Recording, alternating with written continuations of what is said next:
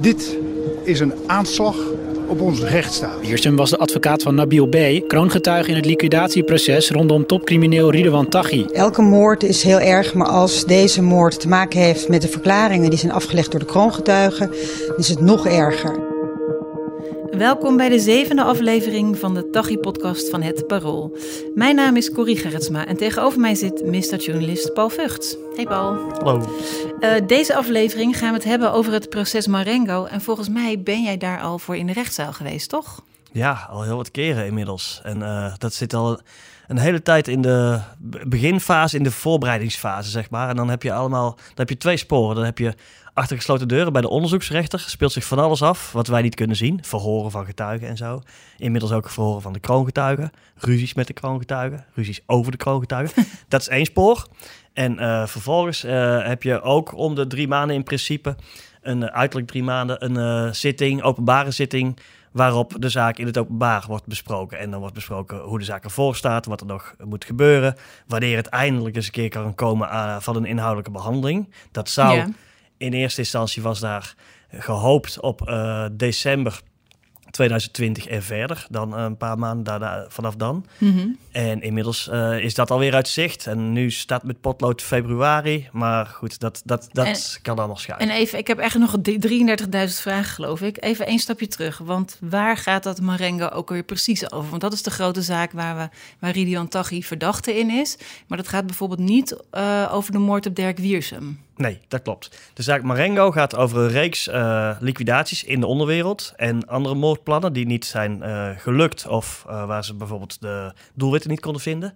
Plus de, dat heet dan artikel 140, daarin is criminele organisatie verboden. Dus de criminele organisatie, hoe de bende van Tachi was ingericht, wie er allemaal onderdeel van waren. Mm -hmm. En dus in die zaak staat Ridwan Tachi met 16 medeverdachten terecht. Dat ja. is Marengo aan Marengo gekoppeld zitten nog allerlei andere processen. Er is bijvoorbeeld het proces Eris, daar zitten twintig verdachten inmiddels in.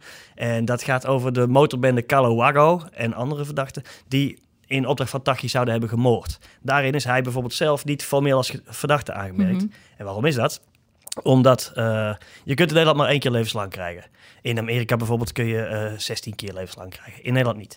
Uh, en als hij schuldig wordt bevonden aan ook maar een deel van de uh, aanklacht in Marengo, dan krijgt hij levenslang. Dus dan heeft het helemaal geen zin om hem ook in dat andere proces te betrekken. Dat is het idee van ja, het maar nemen ze eigenlijk al een soort voorschot op de zaak, zou je zeggen? Ja, ja het uh, Openbaar Ministerie heeft veel zelfvertrouwen, zeg maar, in, uh, in die zaak Marengo. En dan hebben we ook nog andere zaken. Je noemde al de motor op Dirk Wiersum. Uh, die wordt apart behandeld. Daar zitten meerdere verdachten voor vast, voor de uitvoering daarvan.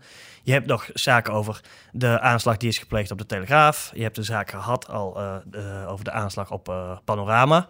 Uh, je hebt nog een, uh, de zaak gehad over de moord op de broer van de kroongetuige. Ja. Degene die de, die de broer van de kroongetuige heeft vermoord is daar al in uh, veroordeeld. Dus zo is het een heel palet aan zaken dat om dat Morengo-proces heen hangt. Maar waar Tachi dan weliswaar wordt gezien als hoofdverantwoordelijke, maar niet wordt aangeklaagd als hoofdverantwoordelijke. En die andere zaken die je net noemde, die zijn eigenlijk allemaal al iets verder dan dat hele proces Marengo. De meeste wel, ja. Behalve de zaak Eris, die is ook nog helemaal in het voortraject. Dus tegen Calawago. Ja, en die, en die zaak Marengo, je zei hij zou eerst in december beginnen of misschien in februari. Want het is natuurlijk een ongelooflijk grote zaak als je al 17 mensen als verdachte hebt. Hoe, ja. hoe groot is zo'n proces? Um, heel praktisch, fysiek uh, zouden ze uh, allemaal in de rechtszaal kunnen passen, net met hun advocaten. Mm -hmm. uh, nu in, uh, is het vanwege corona en uh, allerlei gedoe wordt het opgesplitst. dus als er veel verdachten komen, dan moeten sommigen even eerst in een, in een andere zaal wachten. met hun advocaten daar kunnen ze via een videoverbinding, laat ik zeggen, de hoofdzaal bekijken. In principe moeten ze wel allemaal uh, tegelijkertijd dan terecht staan. En dat zijn allemaal losse zaken. Dus het zijn verschillende liquidaties die worden stuk voor stuk dan behandeld op verschillende dagen. Ja. En dan zal ook steeds de kroongetuige zal erover worden bevraagd. En die zal überhaupt zal er nog een heel gedoe komen over de deal die de kroongetuige heeft gesloten en uh, of justitie. Zitten de kroongetuigen nee. en Tachi zo meteen ook samen in de rechtszaal? De kroongetuige heeft een eigen uh, plekje in de rechtszaal. Ja. En uh, dat, dat is de vraag hoe dat praktisch gaat. Kijk bijvoorbeeld in, we zitten nu meestal uh, in justitieel complex Schiphol. Daar is ook een zwaar, zwaar beveiligde rechtszaal. En daar zit bijvoorbeeld nu de kroongetuige soms op de tribune, boven, samen met zijn advocaten. Uh, en dan hoor je hem ineens, als hij in de microfoon spreekt, dan hoor je hem dan ineens, maar je ziet hem niet. Ja. En in de bunker in Osdorp bijvoorbeeld is een aparte getuigencabine voor, voor waar de kroongetuige kan uh, plaatsnemen. Um, dat zal allemaal straks uh, nog een, een, hele tour worden hoe dat allemaal logistiek wordt geregeld en zo. Want het is niet alleen dat er veel mensen tegelijkertijd moeten komen, er is ook extreme beveiliging omheen. Dus de verdachten worden allemaal door een speciaal team in gepantserde auto's aangevoerd. Uh, rechters worden apart aangevoerd, ook uh, met beveiliging. Officieren worden apart aangevoerd. Van alles ligt vast.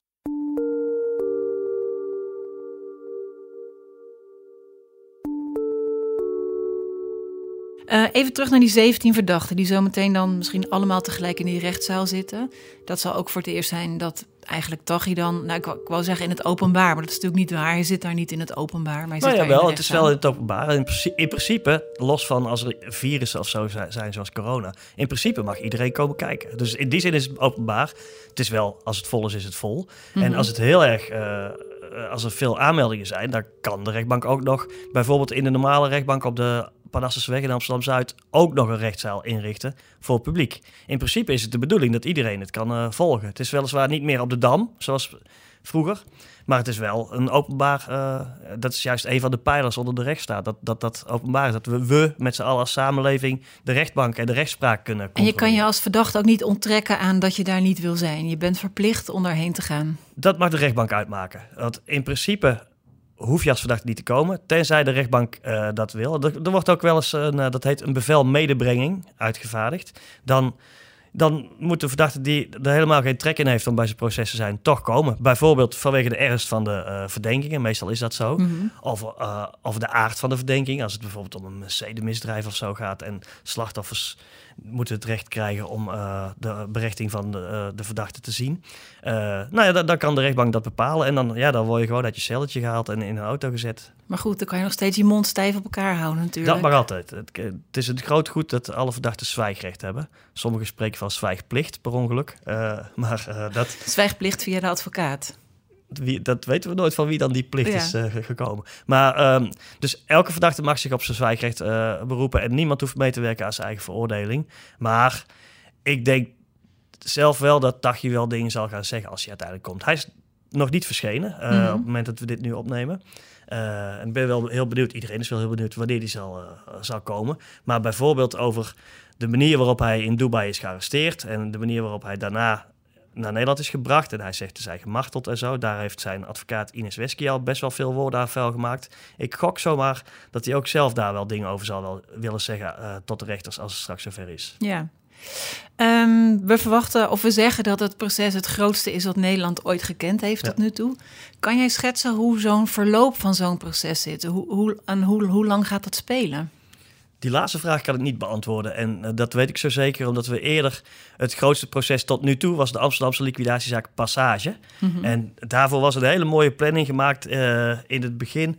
En dat uh, zal ik nooit vergeten. Die zou in februari 2009 beginnen. En de uitspraak was voorzien in maart 2010. En dat was helemaal vastgelegd.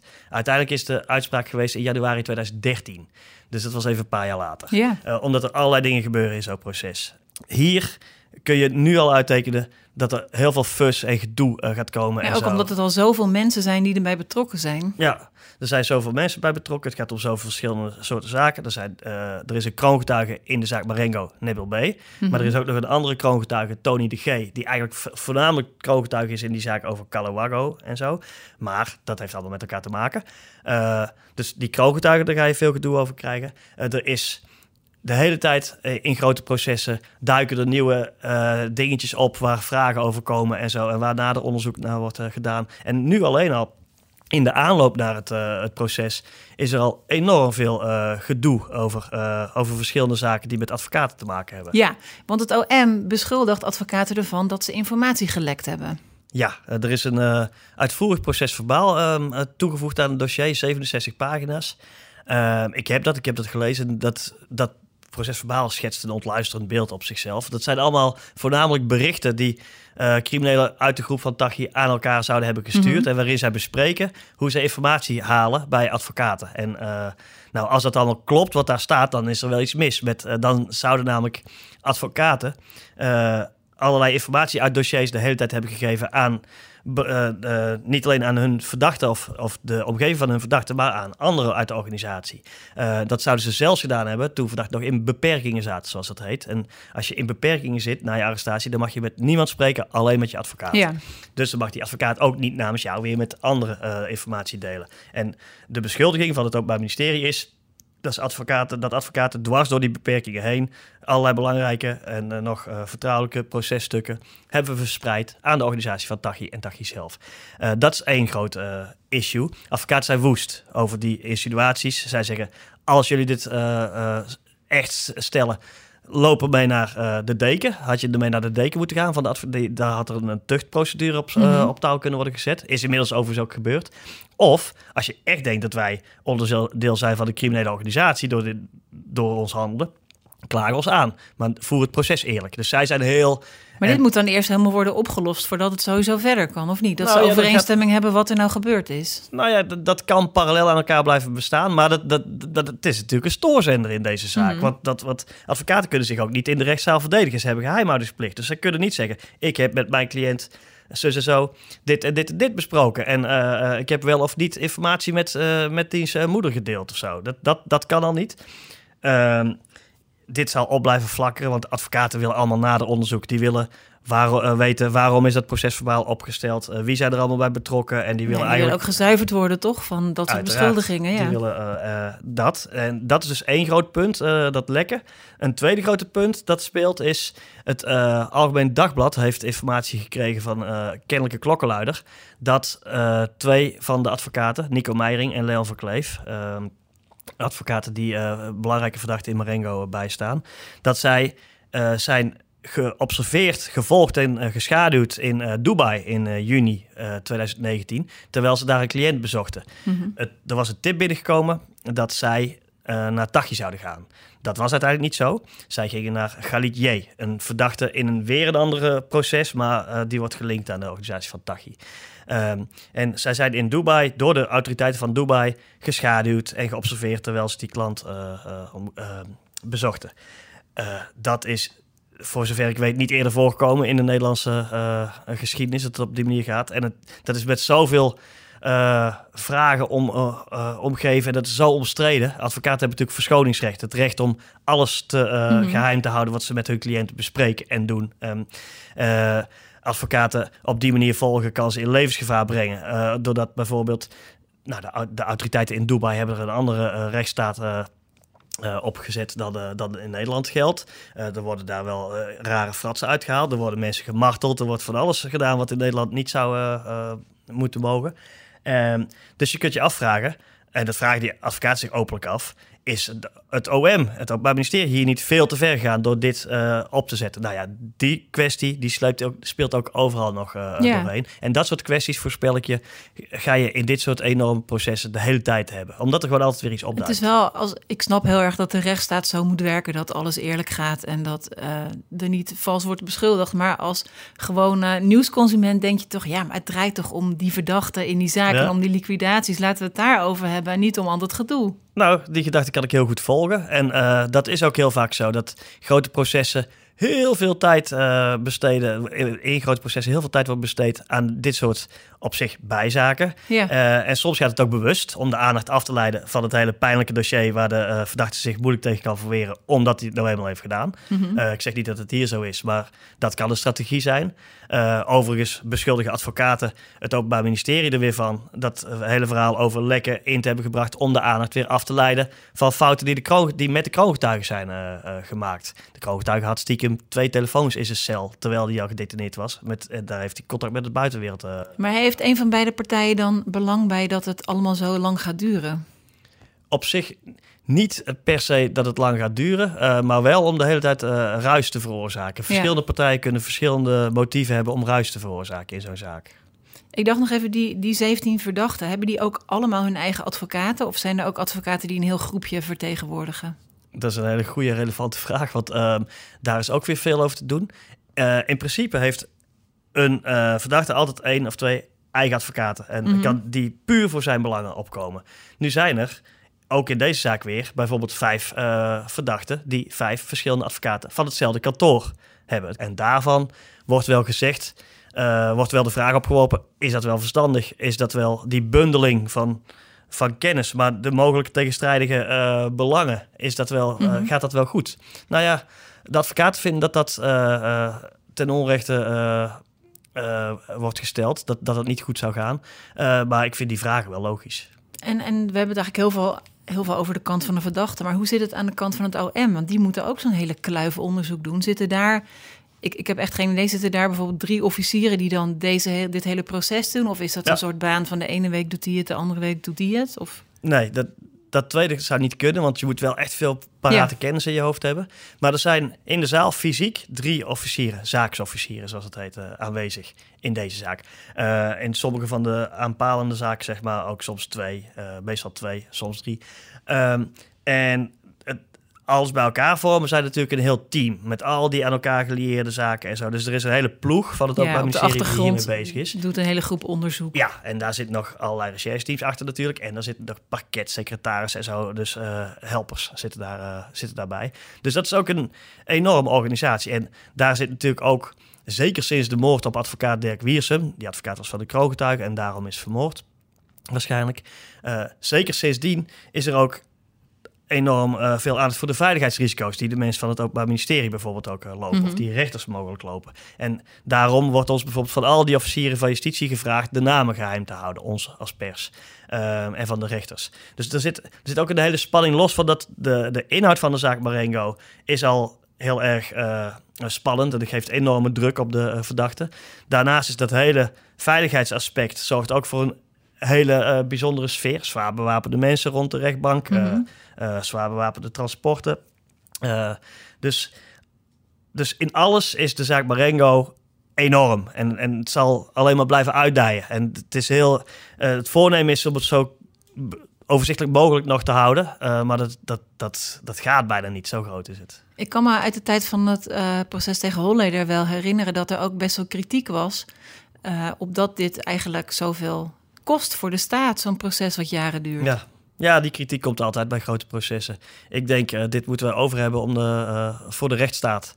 Ik bedoel, ja. als wij... Je kan dit... gewoon niet zeggen, het moet binnen een maand allemaal geregeld zijn. Nee, want het moet ja. zorgvuldig en de, de, de, rechten van de verdachte moeten worden gewaarborgd. We, hebben, we moeten een eerlijk proces komen. Er moet een uitvoerig proces komen waarin de verdachte allerlei uh, nader onderzoek kunnen laten doen via hun advocaten. Uh, dus ja, uh, we hebben het ermee te doen. Uh, kijk, je kunt zeggen dit is veel te duur of dit duurt veel te lang. dat zijn ongeldige argumenten, denk ik, als het om de rechtsstaat gaat. Ja, ik ben een beetje laat met de vraag, maar ik wilde ook nog weten, waar komt die naam Marengo vandaan? Waar staat dat voor? Dat heeft iets met paarden te maken. Maar ik zou het moeten opzoeken. Maar het is een random gekozen naam. Ja, ja het is namelijk um, Ooit mochten rechercheteams zelf de naam van hun onderzoeker uh, uh, kiezen, maar dat werd soms heel melig. En, of, of een beetje pijnlijk dat ze voor misschien betrokkende slachtoffers of zo. Mm -hmm. en nu kiest gewoon de computer random uit een hele lijst namen. Dus Marengo heeft iets met paarden te maken, maar eigenlijk moet ik het opzoeken. Want ik kan me ook herinneren, eentje die ik altijd heel grappig vond als ik erover las. Alleen maar door de naam is 13 kipsaté. Je ja. ziet toch een soort, soort comedy voor je van stuntelige agenten die met z'n allen naar de snackbar gaan of zo. Ja, ja, er werden ook veel flauwe grappen over gemaakt. Voor Marengo is het toch iets anders.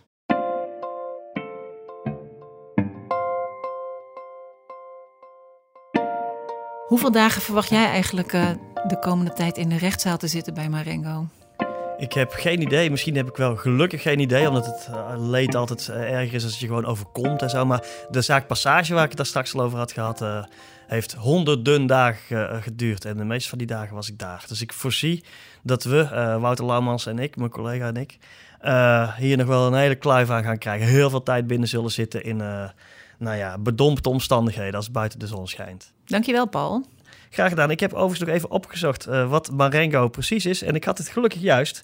Marengo was een paard van Napoleon Bonaparte. Het was een grijswitte Arabier en stond bekend als zeer moedig en betrouwbaar, meldt Wikipedia. Dat klinkt dan toch niet als een helemaal willekeurig gekozen naam, denk ik dan. Men stelt dat het willekeurig wordt gekozen. Oké, dan moeten we daarin geloven. We gaan er weer afsluiten. Dankjewel, Paul. Heb je deze podcast met plezier geluisterd? Deel hem vooral met al je vrienden en laat een recensie achter op iTunes.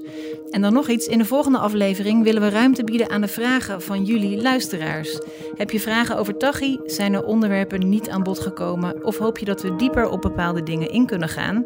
Mail naar tachi.parool.nl Mijn naam is Corrie Gerritsma en deze podcast werd ook gemaakt door Paul Vugts, redactie Rita Schrooien, techniek en montage Lisette Spiegeler. Bedankt!